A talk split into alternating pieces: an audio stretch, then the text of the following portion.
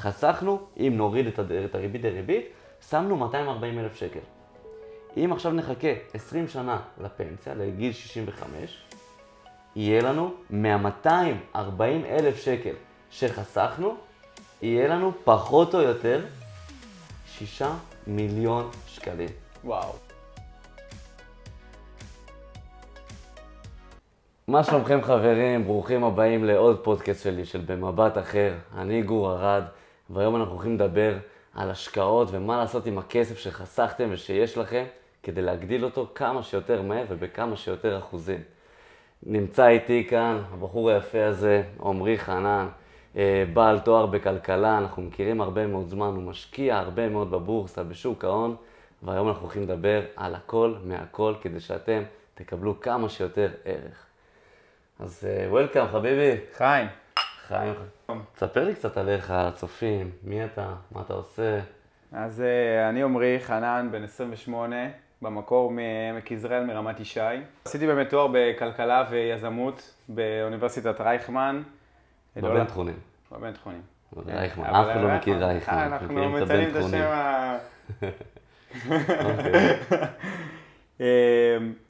זהו, אבל במקור אני בא מעולם, ה... מעולם הכושר, בתור נער הייתי מתחרה בטריאטלון, התחלתי באופניים, התקדמתי לריצה, שחייה, הייתי מתחרה בטריאטלונים עד, אה, עד הצבא כזה, קצת לפני, הייתי קרבי, חמש שנים צבא, שנתיים בקבע, טיול, חו"ל, עברתי לתל אביב, המשכתי עם הכושר, התאהבתי בטיפוס ובבחורה על הדרך. הופה, הופה, מפרגן לה, איך קוראים לה? לברת המזל. חנה. מדהים.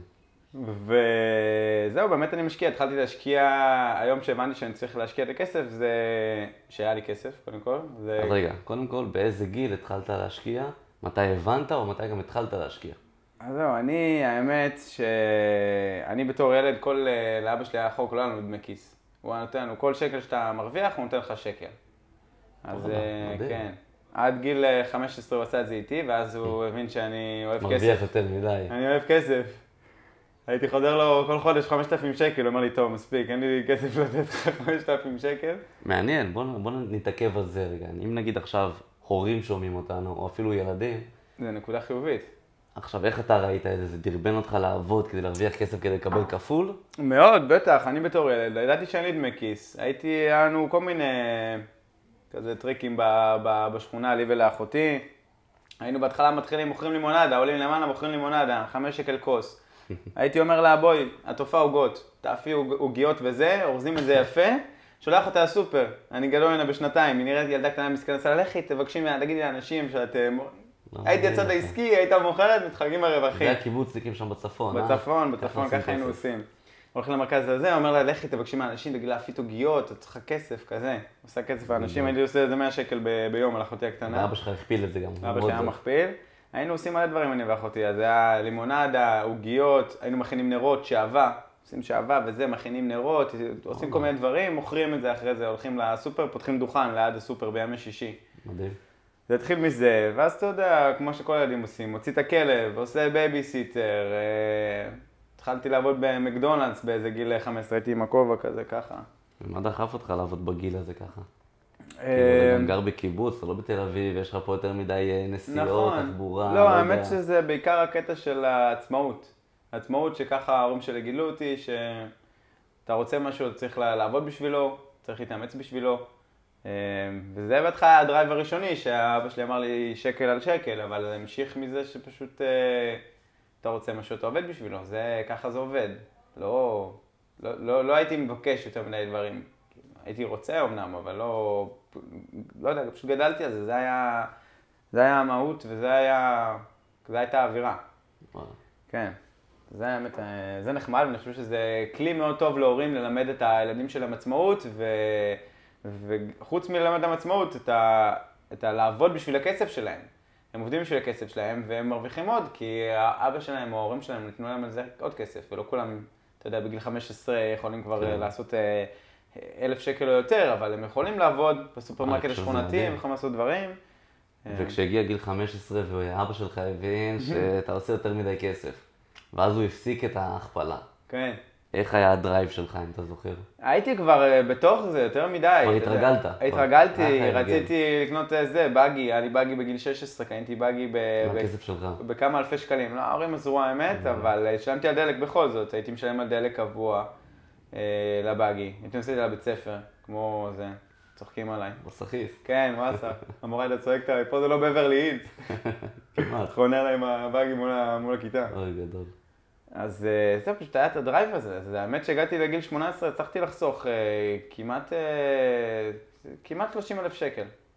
כמעט מאוד. 30 אלף לילד. שקל. זהו, ואם מי שלא יודע את זה, אם יש מישהו גם לפני צבא, ברגע שאתה, שאתה הולך לצבא ואתה עובד בעבודה, אה, זה נחשב, כאילו אם אתה עובד בארגון מסודר ואתה עובד בעבודה מסודרת, שנותנים לך תלוש והכל, אז כשאתה הולך לצבא זה נחשב אה, כאילו פיטרו אותך, כי זה, הרי אתה לא התפטרת. אתה הולך לצבא, אז קיבלת עוד פיצויים. אז הם חייבים לתת לך פיצויים. ולי היה שנתיים אה, במקדונלדס, עבדתי מ... או אפילו שנתיים וחצי, מ-15 עד 18 כמעט, הייתי במקדונלדס, בצומת שם ליד, ליד הבית. אה, אז קיבלתי עוד כמעט עשרת אלפים שקל, רק על הפיצויים. מעולה, זה חשוב. אם כן. עכשיו אתם עובדים לפני צבא, כמו רוב האנשים, נכון. אה, כמה צריך לעבוד? חצי שנה ואז פיצויים לפחות? נכון? לדעתי על כל שנה פיצויים אתה מקבל חודש. לא, אבל יש גם איזה מינימום שאתה צריך לעבוד לפי אני דעתי, חושב בשביל ששנה. פיצויים. שנה? אני כמעט בטוח ששנה, על כל שנת עבודה אתה מקבל חודש אה, פיצוי. ממוצע של השלושה חודשים האחרונים. אז שימו לב, סקופ, אני לפני הצבא עבדתי, לפי דעתי זה היה בערך שנתיים, אפילו שלוש, הייתי ספר. וואלה. כן, עשיתי ערימות של כסף, די. והתגייסתי, ולא קיבלתי פיצויים. אני לא ידעתי מזה. די. אז אה, אחלה כלי. אז אם אתם עובדים באיזה מקום מסודר, עם תלוש ולא טיפים, נראה לי, כן. וכאלה, אז, אה, ואתם עוזבים בגלל הגיוס, אז כנראה שאתם צריכים לבדוק את זה. אני חושב שגם לא, לא רק בגלל הגיוס. אה, האמת. אני חושב, מי הגיוס שמתפטר אחרי תקופת זמן באותה עבודה, אז זה תלוי. אז זה תלוי, יש אה, טופס מסוים שבדרך כלל בחברות היותר אה, הייטק ודברים כאלה, אתה חותם על טופס מסוים, ש... זאת אומרת שאם אתה מתפטר, אתה מקבל עדיין את הפיצויים שמגיעים לך. אז זה בחברות הגדולות, כי הם כאילו רוצים לתת לך drive, שלא משנה אם אתה עוזב או נעזב, אתה תקבל את הכסף שלך. כן. בדרך כלל בעבודות יותר פשוטות ועבודות, לא לא הייטק בדרך כלל, אז לא תמיד יש את זה, ובדרך כלל צריך שיפטרו אותך אה, בשביל לקבל את הפיצויים, אבל זה משתנה בין עבודה לעבודה, צריך לבדוק את זה, אבל ללא ספק אה, פיצויים אה, מעבודה זה שווה. מעבר לזה, מי שאחרי צבא, הוא גם יכול לחתום אבטלה. זאת אומרת, אתה יכול, מי שהיה בקבע לפחות, אני אחרי קבע, אתה גם עשית קבע לדעתי, אתה יכול לחתום אבטלה אחרי זה, וזה גם אתה מקבל סכום נאה. שזה גם משתלם. יפה מאוד, אז כלי ראשון, לשים לב שמגיע לכם כסף. לשים לב. כשמגיע לכם, ברור. אני כנראה פספסתי הרבה מאוד כסף. אה, יפה, זה היה אמור להיות כאילו חודש אה, משכורת כפול שלוש, נגיד שלוש שנים שעבדתי, כן, משהו כזה, בדיוק. פספוס. זה הרבה. יפה, אז חסכת כסף, היית בצבא, קבע, כן. כל הדברים, עכשיו מתי שמת את השקל הראשון שלך בבורסה, בחיסכון, או לא משנה איפה, מתי הבנת שאתה צריך להשקיע את הכסף שלך? כי רוב האנשים, באמת לפני, אני מכיר המ- המון אנשים, שהם אפילו בני 40 ויותר, שהם לא חשבו שצריך להשקיע. נכון. כאילו, הם עובדים, הם עושים מה שהם עושים, מרוויחים כסף, אבל הם לא מבינים את החשיבות של לשים כסף במקום שעושה לך עוד כסף. בדיוק. כאילו, כיף להם לראות את הבנק צומח, יש להם הרבה כסף, לא משנה כמה הם מרוויחים, אבל לא מבינים את החשיבות של להשקיע. כן, אז האמת שאצלי זה גם, זה בא מאבא שלי מהבית. הוא כל הזמן, כל הזמן עשה איתה שיחה על אה, שוק ההון ודחף אותי, למרות שהוא לא הכי מאמין ב... כאילו אני הוא היום... משקיע? הוא, הוא, הוא משקיע, אבל אני הרבה יותר, היום בדיעבד אני אומר, אני הרבה יותר אגרסיבי ממנו, אני משקיע במניות, והוא תמיד היה משקיע באג"ח, משקיע. במדדים, דברים יותר סולידיים, אה, קרנות למיניהם שאפשר לדבר עליהם גם. אה, יפה, אז רגע, עוד שנייה, באמת, כל האג"ח, מניות, מדדים, כל מה שאמרת, כן. אנחנו עוד רגע הולכים להסביר טיפה יותר לעומק, כדי שאתם, כל מי ששומע כאן, יהיה לו פחות או יותר מין שבלונה כזאת של כל מיני, מה, מה אומר כל דבר, בדיוק. ואיפה הכי כדאי לו להשקיע לעומת אה, פוטנציאל רווח, לעומת פוטנציאל סיכון, כן. ונוחות ודברים כאלו. אוקיי. אז באמת אה, מילה, אז כאילו, אגרות חוב מתחלקות אה, לשתיים, יש לך אג"ח שזה אגרות חוב שהמדינה נותנת לך, אה, שבאמת זה פשוט, היא, מנס, היא צריכה לכסות את החוב שלה, או שהיא צריכה לייצר עוד כסף, והיא נותנת אגרות חוב למדינה, אתה בעצם משקיע במדינת ישראל. זה בעצם, או אם אתה קונה אג"ח של ארה"ב, אתה משקיע בארצות הברית, או בהודו, או ב... וכו' וכו'. ושוב, יש מדינות עם סיכון יותר גבוה, דוגמת הודו, אז אתה מקבל תשואה בהתאם יותר גבוהה. נכון. אה, אז זה בנוגע לאג"ח, ויש לך אג"ח קונצרני, שזה אג"ח חברות, שחברות מנפיקות אה, אג"ח לאגרות חוב, באמת לשלוש או ארבע או חמש שנים, אה, בשביל גם, עכשיו הן רוצות לקנות חברה אחרת, או להשקיע באיזה פרויקט שעולה להם כמה מיליונים או מיליארדים, אז הם... גיוס כספים. גיוס כספים, בדיוק. ומדדים זה בעצם, יש לך את הדוגמה המדדים הגדולים, יש לך את מדד תל אביב, 125, 25, יש לך אה, אה, בעולם את ה-S&P 500, את הנסדק 100. בגדול זה מדד, זה משהו שמאגד בתוכו כמות חברות, S&P 500, 500 חברות הכי גדולות בארצות הברית. וכל רבעון הוא מתעדכן עכשיו.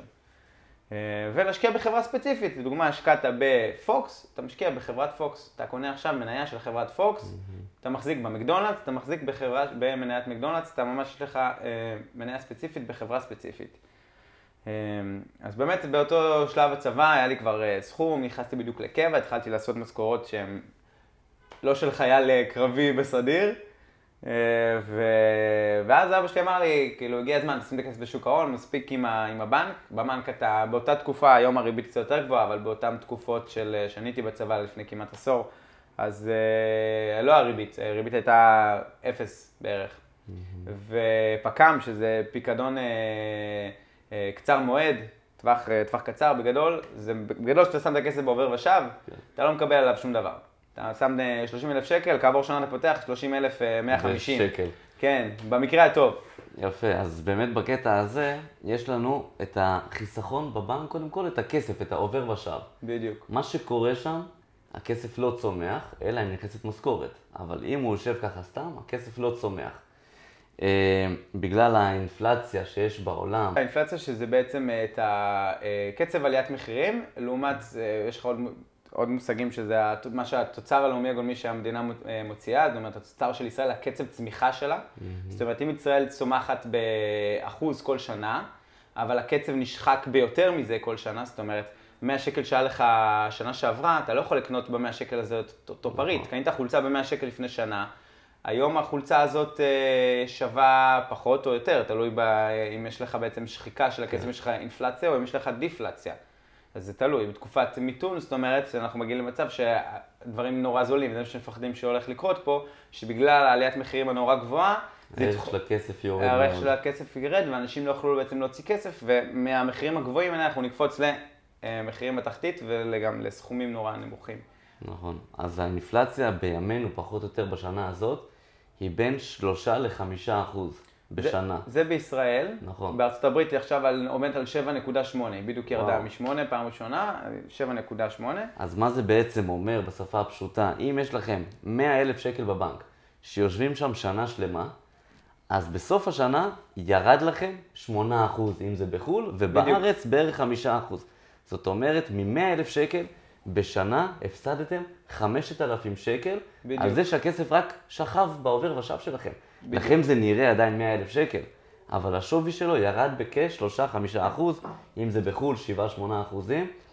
אה, ומפה הגיעה השיחה החשובה שלנו, שדיברנו עמרי ואני, על לתת לכם את הערך הזה של תוציאו את הכסף מהעובר ושב, תשאירו את המינימום שאתם צריכים לפחות לכמה חודשים כדי לחיות, ואם משהו קורה.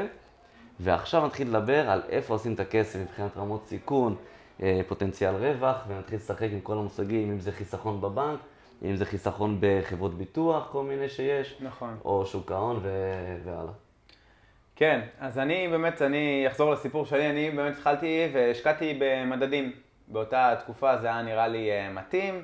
אגרות חוב זה משהו שיותר אה, יותר מתאים לטווחים אה, ארוכים, אתה יכול להשקיע אה, עשר שנים ומעלה, הייתי אומר, אתה יכול גם פחות, אבל התשואה בהתאם, התשואה על אגרות חוב היא בדרך כלל לא יותר משלושה, לפעמים חמישה אחוזים, אם זה אגרות חוב נורא טובות, אבל התשואה בהתאם היא נמוכה, אבל זה מאוד בטוח. שוב, זה יחסית בטוחה גדולה ותשואה נמוכה. מדדים עכשיו, אתה משקיע במדד, ב-S&P 500 אתה משקיע ב-500 חברות. זאת אומרת שאם ברוב החברות ב-500 האלה, לאו לאו דווקא 251, כי לפעמים הסכומים משתנים, אבל אם רוב החברות מרוויחות, זאת אומרת אתה ברווח ביחס ל-500 האלה, המדד כולו עולה.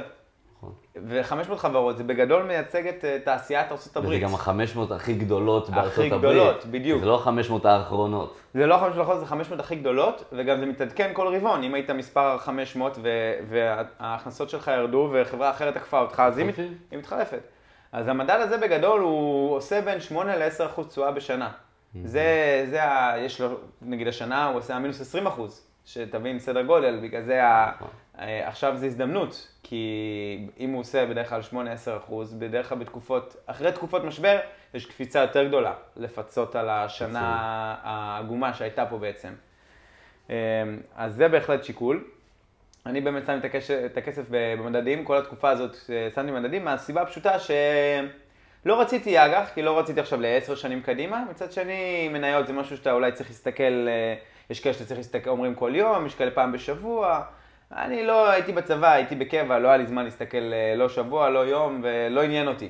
אמרתי, אני אשים את הכסף ואני רוצה לשכוח. אז שמתי את הכסף ב-S&P 500, בעוד איזה תעודת סל, שזה בגדול כמו מדד, אבל טיפה שונה. זה עוד איזה תעודה שמאגדת בתוכה כמה... אם זה חברות, נגיד, טכנולוגיה. נגיד בדיוק. עכשיו רוצים, לא יודע, חברות גיימינג, פלייטיקה, כל מיני כאלה. אז כאילו תעודה כמו מדד S&P 500, רק בדיוק. כמה חברות שעוסקות בגיימינג. שאתה בדיוק. מאמין בזה. זה מאגד בתוכו, זה קצת מזכיר מדד, פשוט מדד זה משהו שהבורסה צריכה לעשות, הבורדה, הבורסה מקימה מדד. כן. אה, ותעודת סל זה משהו שבאמת אה, יכול... אנשים אה, בונים. כן, קרן מסוימת, מגדל יכולה להרים מדד, קרן מור מרימה מדד, כל אחד יכול להרים, אה, לא מדד, תעודת סל. תעודות סל.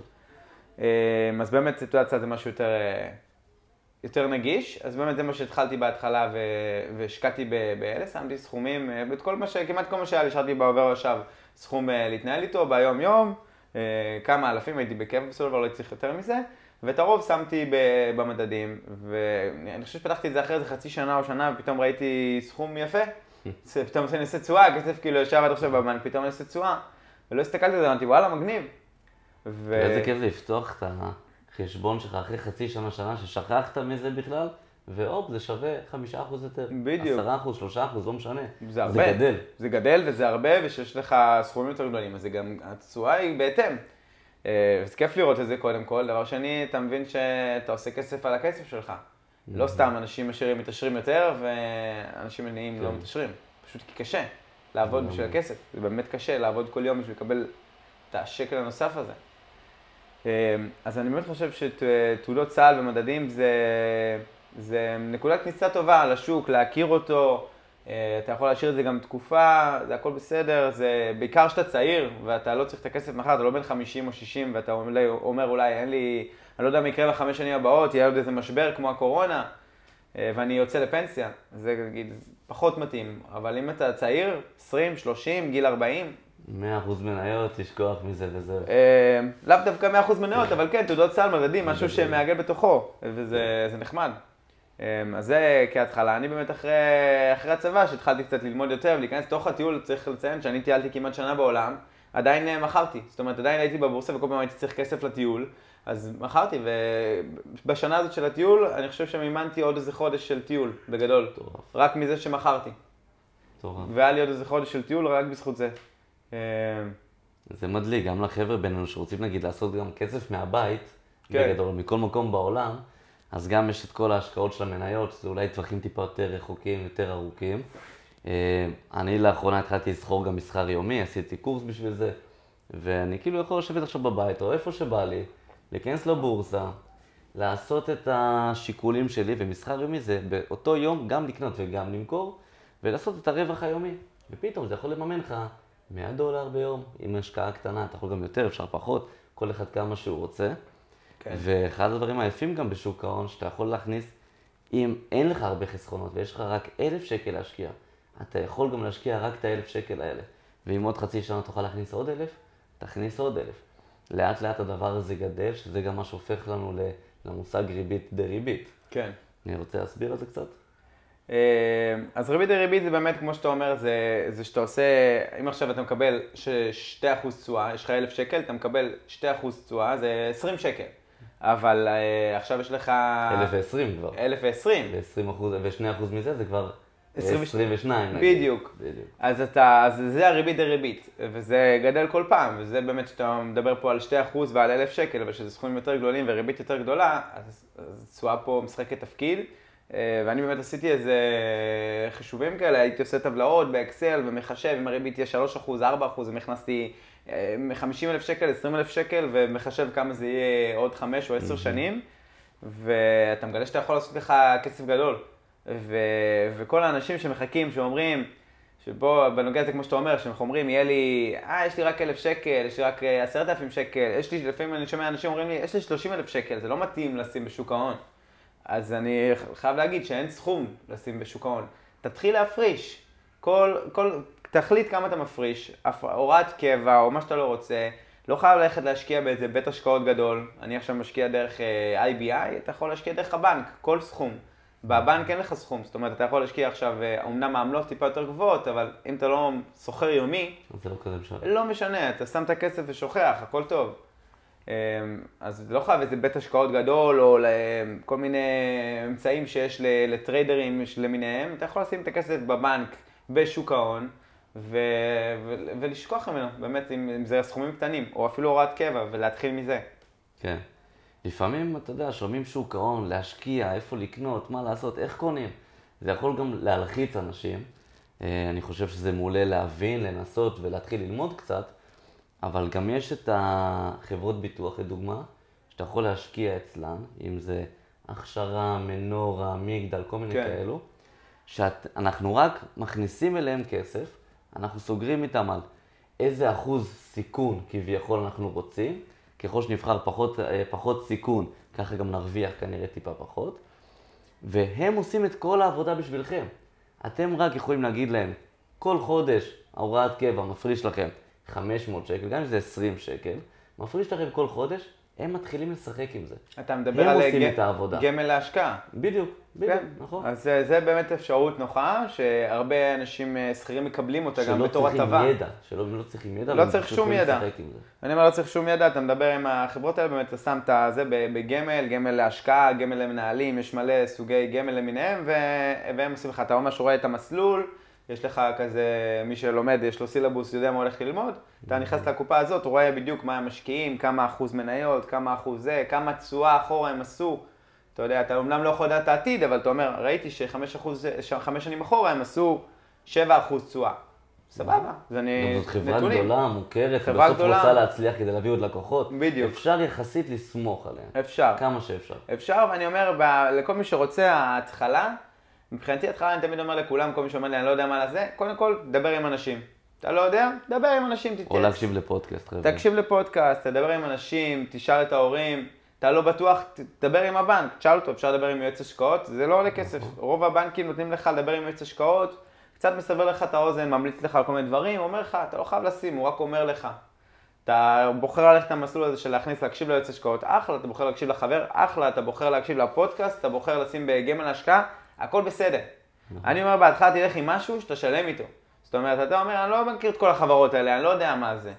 בסדר, אבל אתה מכיר, אה, לא יודע, אתה מכיר את, אה, את אה, אפל, אתה מכיר את פוקס, אתה מכיר את דלק, שים במשהו שאתה מאמין, משהו שאתה אוהב, משהו שאתה משתמש בבית. אתה כל היום משתמש במכשירים של אפל, אתה אוהב את אפל, תקנה אפל, סתם אני אומר. חברה אחרת, קח כל חברה אחרת, זה בסדר גמור. הכי חשוב המודעות. קודם כל להבין. שיש דבר כזה להשקיע, יש דבר שהכסף יכול גם לעבוד בשבילך. בדיוק. מה שאנשים, יש, יש כאלה שגם מבוגרים, שלא מבינים את החשיבות של זה. בדיוק, בנושא הזה אני אומר, צריך לעשות את, ה, את ההבדל הזה בין, בין, אה, דיברנו על זה מקודם, בין חיסכון להשקעה. זאת אומרת, עכשיו אתה רוצה להשקיע, אולי אתה צריך סכום, השקעה זה בדרך כלל משהו שמדובר על טווח יותר ארוך, זה סכומים בדרך כלל גם שהם יותר גדולים, אתה משקיע אותם, זה נשמע מילה יותר מפוצצת, וחיסכון הרבה פעמים זה משהו קטן. זה אני חוסך כל חודש 20 שקל בשביל שיהיה לי 1,000 שקל להשקיע. אז uh, בשביל להצליח לחסוך כל חודש, אתה חייב התנהלות נכונה, וההתנהלות הזאת הרבה פעמים אנשים אומרים, אני מסיים כל חודש, אין לי מה, אין לי מה, לה- להש... אין לי מה לחסוך, כי הגעתי למצב שאני even. אז הרבה פעמים אני אומר, צריך להניע את עצמך לחסוך, אתה צריך להכריח את עצמך לחסוך. כן, אני חושב שברגע שתהיה הוראת קבע, שתגיע, שאתה. יודע שכל חודש יורד לך אלף שקל, כן. אתה תדע להתכוונן, זאת אומרת, לאכול פחות פעם אחת במסעדה. בדיוק. פחות אה, פעם אחת, לא יודע, כל מיני דברים שאולי סוג של בזבוז כסף קטן, שאפשר טיפה להכווין ולהשקיע אותם ולחסוך אותם. אחד הדברים שאני ממליץ לעשות את המינימום האפשרי, זה לפחות לחסוך או להשקיע איפה, איפה שניקח, העיקר להעביר כסף לחיסכון שיעבוד בשבילנו, שלפחות עשרה אחוז מהמשכורת. לדוגמה, מישהו מרוויח עשרת אלפים שקל, שים אלף שקל בצד. כל חודש שים אלף שקל. לאט לאט הדבר הזה יעלה ויגדל לסכומים מטורפים. ברור. עכשיו, אני חישבתי, הדף לא לידי עכשיו של בדיוק כמה מרוויחים וכמה מקבלים, שזה מפוצץ את המוח, אז מי שרוצה יכול לעשות את החישוב. אני אגיד מספרים פחות או יותר, אוקיי? כי אני לא זוכר בדיוק את המספרים. אם אנחנו מגיל 21, אוקיי? אחרי צבא השתחררנו, מתחילים עכשיו לחסוך, בסדר? אם מגיל 21 אנחנו נחסוך למשך 20 שנה, כל חודש 1,000 שקל. 1,000 שקל במקום שמכניס לנו פחות או יותר 10% תשואה בשנה. פחות או יותר. כן. אנחנו נגיע בסופו של דבר, אחרי 20 שנה, שאנחנו, אם נוריד את, הד... את הריבית דריבית, שמנו 240 אלף שקל. אם עכשיו נחכה 20 שנה לפנסיה, לגיל 65, יהיה לנו מה-240 אלף שקל שחסכנו, יהיה לנו פחות או יותר 6 מיליון שקלים. וואו. זה מטורף. 6 מיליון שקלים ב-20 שנה של חיסכון שמפרישים כל שנה, כל חודש 1,000 שקל, 240, ואחר כך מפסיקים. והכסף ממשיך לרוץ לעוד 20 שנה, מגיעים פחות או יותר עם, אה, עם אה, מסלול שבערך 10% בשנה, מגיעים ל-6 מיליון שקלים. וואו, זה מטורף בעיניי. ושים לב אבל עוד משהו הזוי, שאם אנחנו נחסוך את אותו דבר, אבל אנחנו נתחיל בגיל 41, ולא בגיל 21, נחסוך עכשיו 20 שנה 1,000 שקל כל חודש מגיל 41 עד ל-61 ונחכה עוד 4-5 שנים עד לפנסיה, יהיה לנו מה-240 אלף שקל שחסכנו, רק בערך 900 אלף שקל. כן. מפסידים פה בערך 6 מיליון שקלים, בחישוב גס, אני לא זוכר פשוט את המספרים שחישבתי, כן. אבל כמה מיליונים אפשר להפסיד אם אתה משקיע את אותו דבר, רק בזמן אחר. כן. היה, יש כל מיני כתבות שאני עוקב אחריהן, אני ממליץ גם לכל מי שרק מתחיל ולא יודע, שיתחיל לקרוא עיתונות כלכלית. זה משהו שלא מלמדים מספיק, אבל צריך לקרוא כלכליסט, יש לך TheMarker, יש גלובס, אתה רוצה לקרוא באנגלית CNBC, ופשוט להתחיל לקרוא ולהבין מה קורה בעולם, ומה זה ריביות, ולאן השוק הולך, ולמה המלחמה באוקראינה ורוסיה משפיעה על השוק, להבין שנייה מה קורה. אז קודם כל לקרוא, זה טוב, זה תמיד עוזר לשמוע פודקאסטים, לקרוא ולהבין שנייה מה קורה. אבל באמת, אה, ההבנה, אחת הכתבות שראיתי שם היה שהם דיברו על זה שבן אדם שמניסה, שאנשים שניסו לתזמן את השוק, אנשים שאמרו, אה, אוקיי, עכשיו צריך להיכנס, עכשיו צריך לצאת, טה-טה-טה, ובן אדם ששם את הכסף ל-40 שנה ושכח ממנו.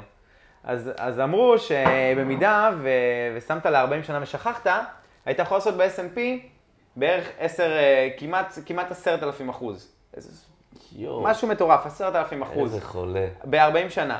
ואז הוא מתחיל לחשב, אם פספסת את העשרה ימים הכי טובים בבורסה, אז אתה באיזה 5,000 אחוז. ואם פספסת את היום הזה, ואם נכנסת, אם התחלת לנסות לתזמן את השוק, אתה מתחיל לאט לאט להפסיד, ובעצם אתה מבין שעם כמה שלי יש לימודי כלכלה ולבן אדם אחר יש תואר שני, והבן אדם השלישי הוא דוקטור, הבן אדם הרביעי כל היום על שוק ההון וקורא, אי אפשר לתזמן. אתה לא יודע מתי תתפוס, תתפוס אותך קורונה, אתה לא יודע מתי אה, אתה תצטרך ללכת לבית חולים כי כן. אתה צריך טיפול רפואי דחוף, אתה לא יודע שום דבר. הדבר היחידי שבטוח זה בסוף שכולנו מתים. אבל בזמן הזה עד לשם אנחנו יכולים לחסוך, יכולים להפריש. ואם תתחיל מגיל צעיר, אתה באמת תעשה יותר כסף, זה, זה פשוט ככה, זה ככה זה עובד. יש סיפורים הזויים כאלה, שמעתי על איזה מישהי שהיא נפטרה או משהו, זה הילדים שלה, כאילו פתאום גילו מה יש לה. היא כל חודש, כמו שדיברנו, שמה, אה, לפי דעתי 100 דולר, וקנתה את אה, מניית אפל. כל חודש שמה איזה 100 דולר. עכשיו, לפני מלא שנים, באיזה 1980. שכחה מזה, היא בכלל לא זכרה שהיא עשתה דבר כזה, לא הסתכלה. היא נפטרה לפי דעתי, והילדים שלה ראו שיש לה איזה 60 מיליון דולר במניית אפל. וואו, משהו כאילו חולה. וואו. זה, שתבינו כאילו כמה כסף אפשר לעשות, ומכסף שבסוף הוא לא פוגע בכם ככל הנראה ביום-יום. אפשר להחליט, גם אם זה 100 שקל בחודש, אפשר גם 1,000 שקל בחודש, כמה שבא לכם, אבל בסוף הדבר הזה צומח וזה מגיע לגבהים שפתאום זה הזוי לחלוטין. אז זהו, חשוב לציין עוד כמה דברים. אם יש פה עצמאים או יש פה שכירים, צריך לעשות הפרדה. אה, ואני אציין איזה משהו שאולי טוב להרבה פה מאיתנו שכירים, לא כולם, אני ואתה עצמאים, נכון? אבל הרבה אנשים שכירים. אה, ולשכירים יש את ההטבה הזאת של הפרשה, יש להם, אה, מגיע להם קרן השתלמות, יש להם גם גמל לבחירה למיניהם, חלק מגיע להם גמל, חלק לא, אבל השתלמות זה גם הטבה שנותנים לשכירים, אנחנו עצמאים, אנחנו יכולים להפריש בעצמנו, mm-hmm. וזה עוד אמצעים לחסוך כסף בעצם. אז הרבה פעמים שכירים, אני שומע על חברים ואנשים שאומרים לי, אמרו לי שאני יכול, אה, שיכולים להפריש לי להשתלמות או לגמל, השתלמות זה יותר שווה מגמל, אני, אני אגיד במילה אחת פשוט כי אה, השתלמות אם אתה מפריש עד 20 אלף בשנה, זה פטור ממיסי הון, שבשוק ההון אנחנו צריכים לשלם 25% מס, mm-hmm. הרווחנו אלף שקל, אנחנו צריכים לשלם 250 שקל מס. זה mm-hmm. מס ההון, אמנם זה נשמע הרבה, אבל uh, בשביל להרוויח כסף צריך לשלם מיסים, ככה זה עובד. לצערנו. השאיפה שלנו לשלם כמה שיותר מיסים. כמה שיותר מיסים, זה אומר שעשינו מלא כסף. כן, בדיוק. אמ, אז באמת מי שם, מי, אה, אה, איזה חבר אמר לי שהוא יכול לעשות 20 אה, אלף שקל ברוטו, ואז אמרתי לו, אחלה, נהדר, ואז אמר לי, אבל אמרו לי שאם אני אעשה, אם אני, רק 18 אלף ברוטו, אבל יפרישו לי אבל לפה ולפה ויתנו לי ככה ויתנו לי את זה. אמרתי לו, ברור שתיקח את זה. אמר לי, אבל אני רוצה 20. אמרתי לו, אבל ה-20 אלף ברוטו בפועל, בנטו זה לא כזה משמעותי, וההפרשה הזאת עכשיו, שאתה מתחיל להפריש מגיל צעיר, שווה הרבה יותר עוד כמה שנים. אז לכל מי שפה שכיר, אני, אני ממליץ להיכנס ולהסתכל איזה הטבות נותנים לו, ואם נותנים לו הפרשה לקרן השתלמות, אז שיבחר, גם נותנים לו אופציה, איזה קרן השתלמות. אומרים לך אלטשולר, אומרים לך מגדל, מנורה, אה, אקסלנס, אומרים לך מלא דברים. תסתכל, תראה, תקרא שנייה, אומרים לך, יש לך להשקיע במלא מסלולים, כמו שאמרנו. תבחר מסלול. אתה לא יודע, תשאל מישהו.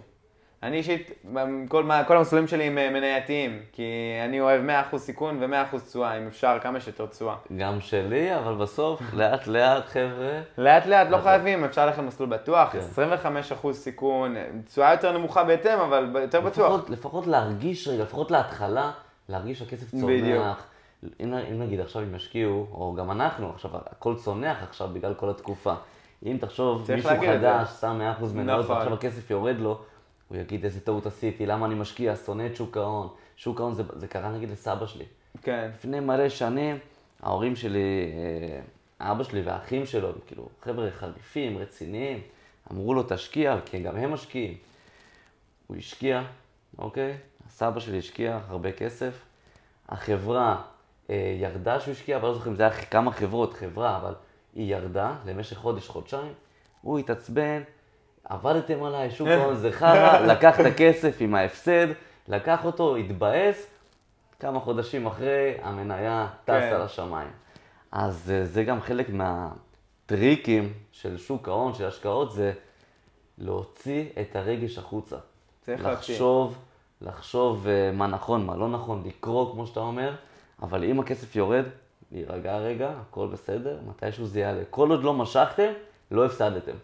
חשוב להגיד את זה, וחשוב גם לגעת שברגעי משבר לא מקבלים החלטות קשות. זה משהו שצריך להפנים וצריך להבין. זאת אומרת, עכשיו שאתה אה, בבית חולים וכולך על ערש בית, אתה לא עכשיו מחליט לאן אתה מחלק את הכספים בין אה, כל הילדים.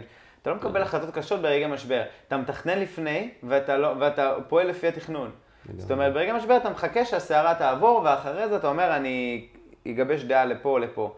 אבל אה, חשוב לציין שבהחלט, כרגע אני, אני מפסיד כסף. זאת אומרת, אני מפסיד כסף, ואני אומר את זה, ואין לי בעיה להפסיד כסף. ואני ממשיך לשים כסף למרות שאני מפסיד כסף, כי אני יודע שאחרי שני, שנים של משבר, מגיע שנים של צמיחה, ובשנים של צמיחה הכסף הולך להכפיל את עצמו פי כמה וכמה, אז כרגע לא, אני לא צריך את הכסף. אין לי, אין לי עדיין משפחה, אין לי ילדים, אין לי משכנתה, אני לא צריך מחר, אה, לא יודע, את הכסף הזה זמין לטיפול רפואי כזה או אחר, אני שם אה, כמעט כל מה שיש לי, חוץ ממה שאני צריך בשביל לחיות. בשוק ההון, כי אני יודע שכמו שאמרת, שעוד כמה שנים זה יעשה פי כמה וכמה, ואחרי שנים של משבר אפילו יותר. אז אני חושב שעכשיו זו נקודה קריטית להיכנס לשוק ההון, גם אם זה סכום קטן, גם אם זה ב-S&P 500, אני לפני יום, שבוע הכנסתי חבר, הוא אמר לי 30 אלף שקל, אמרתי לו, אחלה, מעולה, 30 זה מדהים, זה יפה, זה טיל. S&P 500. הוא אמר לי, אני לא רוצה להסתכל, אל תסתכל, שים S&P 500. שם, מחכה מדד S&P 500, 30 אלף שקל, במקרה לא יודע למה הוא הביא את המזל, הבורסה עכשיו אה, רק בעליות מאז שהוא נכנס. כן. אז אולי הוא הביא את המזל. אבל אה, כל סכום שיש לך, הייתי מכניס, שוכח ממנו ומתחיל מזה. מדהים. יש לך עוד איזה טיפ, משהו קטן, לתת לחבר'ה ששומעים, שיבינו, שידעו משהו חדש, אה, איך מתחילים. אז יש לי. יש לי טיפ, משהו ש, שהאמת מטריד אותי, שאני שומע גם הרבה חברים ודברים שאומרים, אנשים, אה, טיפ ראשון, שני טיפים. טיפ ראשון זה להחליט באמת על סכום שאתה מפריש כל חודש, וזה הסכום שאתה מפריש. 250 שקל כל חודש, אחלה, אתה אמרת 1,000, אולי 1,000 אומרים זה הרבה, מה, אני לא יכול 1,000. 250, סכום מעולה. קח 250 שקל כל חודש, הוראת קבע, ותפריש אותה. זה נשמע לך מעט, אתה אומר, אה, זה עדיף כבר לא, תפריש. זה 250 שקל בח... ב... בחודש, זה עדיין 3,000 שקל בשנה. וכמו שאמרנו, ריבית דריבית זה עושה כסף. אז תתחילו כל סכום שהוא, לא משנה מה. זה טיפ ראשון. טיפ שני, תעקבו אחרי ההוצאות שלכם. זאת אומרת, אנשים אומרים לי, אני לא מצליח לחסוך, למה אתה לא מצליח לחסוך? כי אתה לא יודע כמה אתה מוציא. כי אתה אומר, יש לך שלושה כרטיסי אשראי, אתה מחלק לעשרה תשלומים כל קנייה שאתה עושה, אתה לא יודע כמה אתה מוציא. שגם זה הופך לריבית דריבית. גם זה עושה ריבית דריבית. פתאום בבת אחת חודש יש לך עשרת אלפים שקל רק מ... תעקבו אחרי. התשלומים שלכם, ואם אתם לא יודעים כמה אתם מוצאים עכשיו, אז תעצרו שנייה, סטופ, תבטלו שנייה כרטיסי אשראי, תעשו אחד, ותעקבו אחרי מה אתם מוציאים. תבינו כמה אתם מוציאים, כי אי אפשר לחסוך אם אתה לא יודע כמה אתה מוציא. אם אתה מופתע מהעובר ושב שלך כל פעם, ואז אתה צריך עזרה מההורים, או שאתה...